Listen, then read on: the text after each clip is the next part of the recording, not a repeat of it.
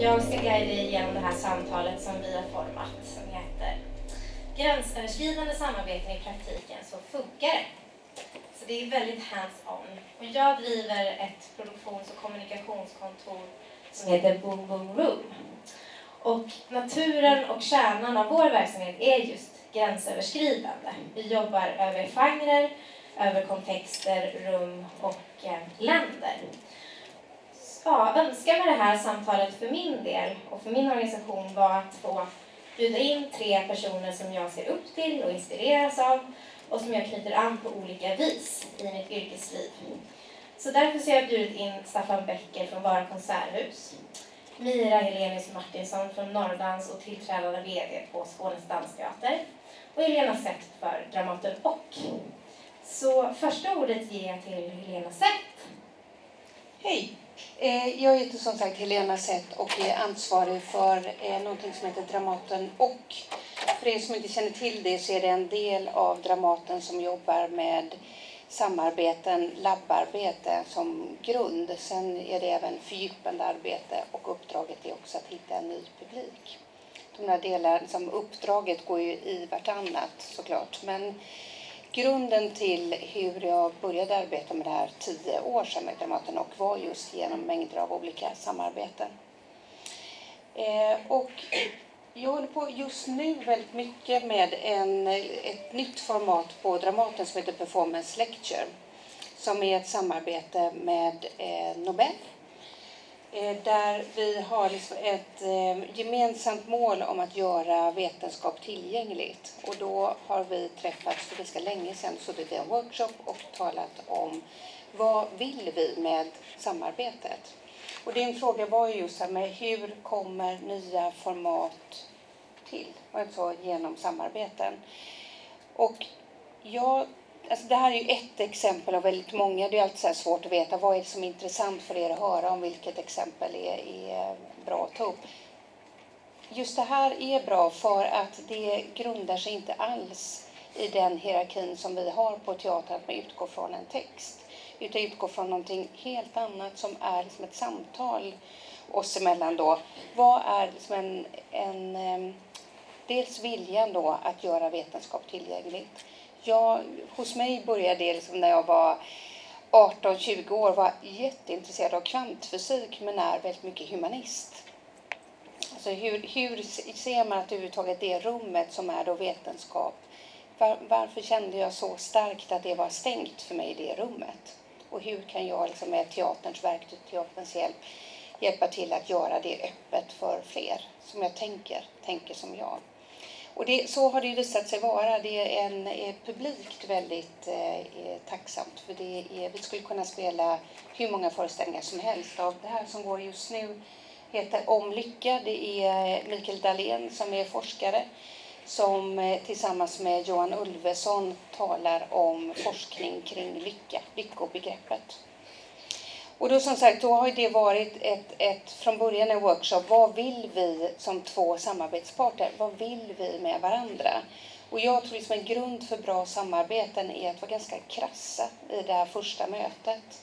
Vad vill vi komma fram till? Vad är, vad, hur ska vi utnyttja varandra? Jag tror att det är jättebra att vara tydlig med det.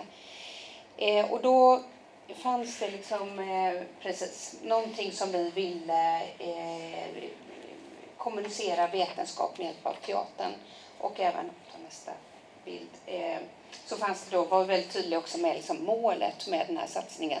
Nu så är det här lite tråkigt och liksom konkret, men jag tänker att man också ska vara det.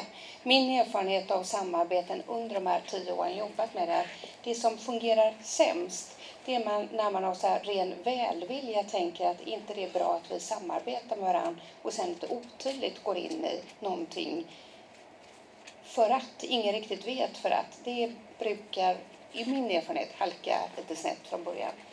Men däremot när man är lite tydlig med vad man vill få ut av det så får man också väldigt mycket ut av det.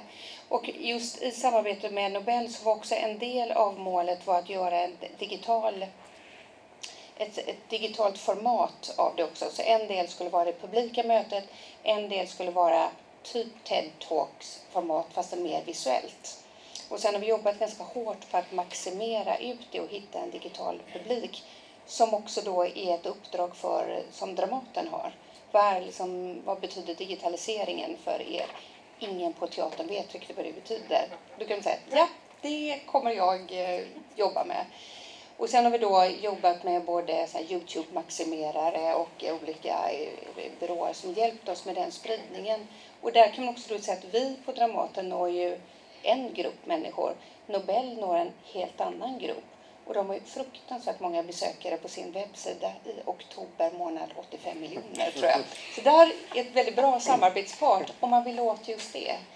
Så jag tänker att det är liksom att listningen för liksom, vad kan vi få ut av varandra som vi inte har själva. Förutom det här formatet som man vill åt. Det är också bra, konkret.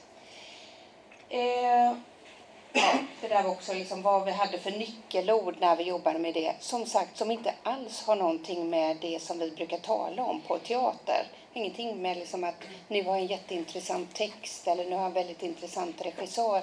Utan vi började här. Först långt senare kom vi då fram till, efter de här orden, vad är det vi vill komma fram till efter vi vill prata om de här tendenserna just nu, om lycka eller nästa är om sanning, tycker vi är intressant i samhället just nu. Först långt senare kommer vi då fram till, okay, vem ska regissera? Ska vi ha skådespelare med överhuvudtaget? Ja, kanske, eller inte. Vilken scenograf är intressant att jobba med? Och då för mig så gäller ju det här då att sätta ihop en um, forskare och tänka, men vem i teatervärlden är intressant för det här? Och hitta något som är lite skavigt i det. Är intressantare än att hitta något som går med sols. För då i den friktionen händer också någonting. Det här lite obekväma i mötet. Det är ofta roligare än det som är åt samma håll. Ehm, och sen har jag också jobbat i väldigt många år med Sveriges Radio kring någonting som vi kallat för aktuella nedslag. Vi har gjort, eh, vi gjorde om solidaritet, vi gjorde om växande nationalism, om ungdomar och arbetslöshet. Och det är också någonting som varit eh, fint i ett samarbete med några som tänker från ett helt annat håll men som ändå är intresserade av också hur lyfter vi som samhället in på teatern eller hur lyfter vi teatern ut i samhället? ser det. Eh, och då gjorde vi bland annat ett projekt eh, som var det här. Eh, Ungdomar i arbetslöshet som var vi har också på teatern då helt andra förutsättningar än vad de andra produktionerna har. Vilket det har att göra med också, kan man ju diskutera mycket, den hierarkin där med att så fort man gör samarbete i interdisciplinära projekt så hamnar det också i liksom en annan fåra med andra resurser det där är, kan man ju ha ett gerillakrig år efter år om. Men man kan också tänka att det finns någonting som är ganska bra i den här attacken med att det är kort, eh, kort reptid, eh, mindre resurser. Här jobbade vi med eh, Marcus Lindén som jag jobbar, jag vet inte om ni känner till hans arbete, men han jobbar ofta med som ljudspår som manus eh, istället för ett manus. Så att då var det ungdomar som talade om sin så långtidsarbetslöshet och sen hade vi Dramatens skådespelare som hade tror, ja, knappt två dagars reptid på det. Så att de hörde bara ett ljudspår med de här dokumentärberättelserna och sen fick de säga exakt samtidigt det de hörde. De hann liksom inte reflektera över det utan var som ett dokumentärt berättande på scen. Vad som var intressant med det är att vi sen liksom nästa steg tog det till riksdagen, till eh, politiker som jobbade med den här frågan och eh, eh, chefer på arbetslöshetskassan. Så kuppade vi dem, vilket de inte visste då. De visste att de skulle komma dit och titta på en föreställning som handlade om långtidsarbetslöshet. Men då fick de de här eh, hörlurarna, så fick de själva testa det här sättet att jobba, framföra någonting. Så att de blev då kroppar själva för de här berättelserna om långtidsarbetslöshet. Och när jag pratade med några av de politikerna efteråt, är något av det så starkare som jag har jobbat med. Att de känner själva att men vi kan läsa oss till det här. Eh, men att själv bli kropp för en berättelse, då kan man tänka vad kultur kan göra och vad det blir i ett samarbete, ett nytt möte. Det tycker jag är jätte, jätteintressant.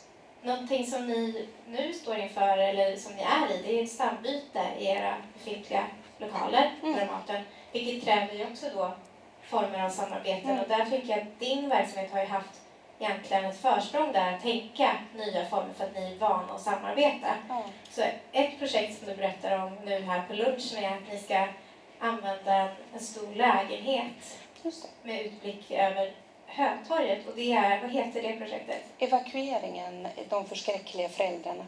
Det är en Jean Cocteau-pjäs som handlar om en förskräcklig familj med alla möjliga former av dysfunktionalitet. Och då tänkte Rebecka Hemse som regisserar i det här fallet, och är annars är skådespelare hos oss, att ja, men vi håller hela tiden på på Dramaten och talar om de här dysfunktionella familjerna, om det är Norén eller Strindberg eller vad det är. Vi tar den familjen som, som essensen av, så blir de utsparkade från Dramaten och hamnar i den här lägenheten. Det är en jättelägenhet på Hötorget, eller på, med utblick över Hötorget. Och så är den här familjen där och som publik så kommer man då komma dit och vara med dem som en repetition eller en familj eller man vet inte riktigt vad det är. Så det kommer att ha premiär i eh, 20 september. Jättespännande. Tack!